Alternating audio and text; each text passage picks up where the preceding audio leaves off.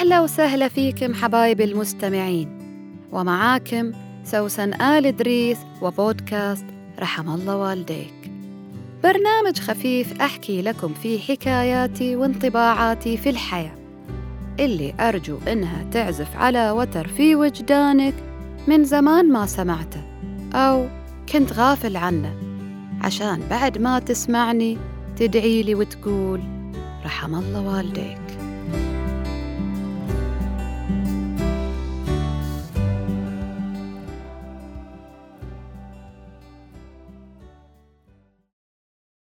كل مشكلة ولها حل. إذا بغيت. كل مشكلة ولها حل. من أجمل العبارات اللي تعطي الأمل والتفاؤل. إنه إيش ما كانت المعضلة والمشكلة بتجد لها طريقة أو أخرى لحلها. حل مباشر غير مباشر حل يبغى صبر. حل يبغى سرعة حركة؟ وتعددت المشاكل وتعددت طرق حلولها حسب ما يقتضي فك عقدها. لكن إذا بغيت. كيف يعني؟ يعني إذا أنت بغيت تحل المشكلة. وفي أحد يبغى المشاكل ما تنحل؟ ويش هالجنون؟ والله فعلا هو جنون. لأنه فعلا في ناس ما يهمها تحل المشكلة. تبغى تظل عايش تنهى. لأنه بكل بساطة صارت المشكلة عدها مادة لطيفة للحوار مع الأهل والأصدقاء. تحش بسببها في اللي مسببها وتتظلم من أفعال المشينة. والمتعة الأقوى إنها تظهر فضيلتها. إنها مختلفة عن اللي سبب هالمشكلة. من خلال المقارنة إنها أفضل وأنظف وأكثر نقاء من الخسة والنذالة اللي حاصلة في هالدنيا. فهي ليش تروح تواجه وتحل المشكلة؟ وإيش ما كانت بساطتها؟ وتنحرم من هالميزات الجميلة.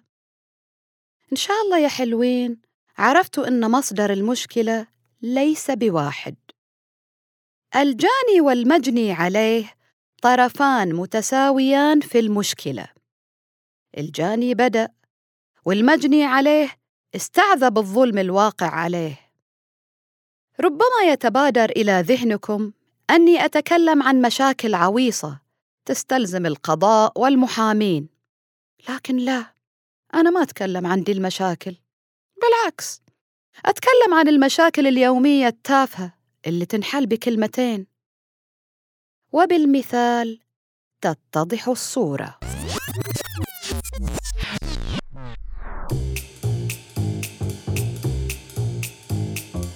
نادية تعيش في عمارة وطبعا عدها جيران.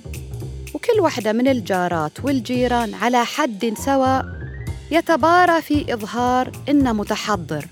وإنه حريص على الذوق العام وعدم مضايقة الآخرين. لكن في واحد من الجيران الله أعلم شنو ظروفه اللي خلته يسوي كده. كان يضع القمامة أكرمكم الله أمام باب الشقة بدل ما يتعب نفسه وينزلها في صندوق المهملات اللي برا العمارة. اللي يعيشوا معاه في نفس الدور ضايقوا من منظر الكيس الأسود اللي مشوه الكوريدور حقهم طبعا. المهم إنه الجارة تكلمت في group الجارات وحكت بالصور والوثائق وتعاطف معها الجميع وأيدها إنه تصرف غير لائق. طيب خلصنا فشة خلق. يلا يا نادية كلمي صاحب الشان أو كلمي أحد يقدر يكلمه. إنه لا يقوم بهذا الفعل ويا دار ما دخلك شر. وما نتوقع إنه بيعاند بعد ما يعرف تضايق الآخرين من تصرفه اللي ينافي الذوق العام. لكن المجني عليه والمتضرر ويش قال؟ يعني كل شي لازم نتكلم فيه. ما في إحساس بالآخرين. ويش ذنبنا نتحمل؟ وبلا بلا بلا من هالحكيات البلا طعمة. طيب هو أثبت لك بالصوت والصورة إنه ما عنده إحساس وإنه محتاج تنبيه. والحل وياك يا ست نادية يلي صرتي طرف المشكلة الأكبر. بالله هذه ما أدري ويش نسميها سلبية ولا ما صدقتي شفتي لك شي تهدري فيه وتتغني فيه إنك أنظف؟ وأحسن من غيرك. وبكده يا إخواني يتضح لنا إنه المجني عليه هو شريك في المشكلة بل الشريك الأكبر لأنه استشعر الضرر ولا سعى إلى الحل لأنه بكل بساطة المشكلة عاجبتنا لسبب واحد إنه هو ما هو سببها هو الجانب المنكوب. المسكين. مثل لما تنكسر حاجة في البيت وتجي الأم تسأل أولادها مين اللي كسرها؟ ويجاوبها واحد من الأولاد بكل فرح مو أنا. جهال صحيح. والله يبعد عنكم المشاكل. ونقول لكل من ساهم في حل مشكلة. ولا وقف يطالع فيها دون تصرف أو حراك. رحم الله والديك.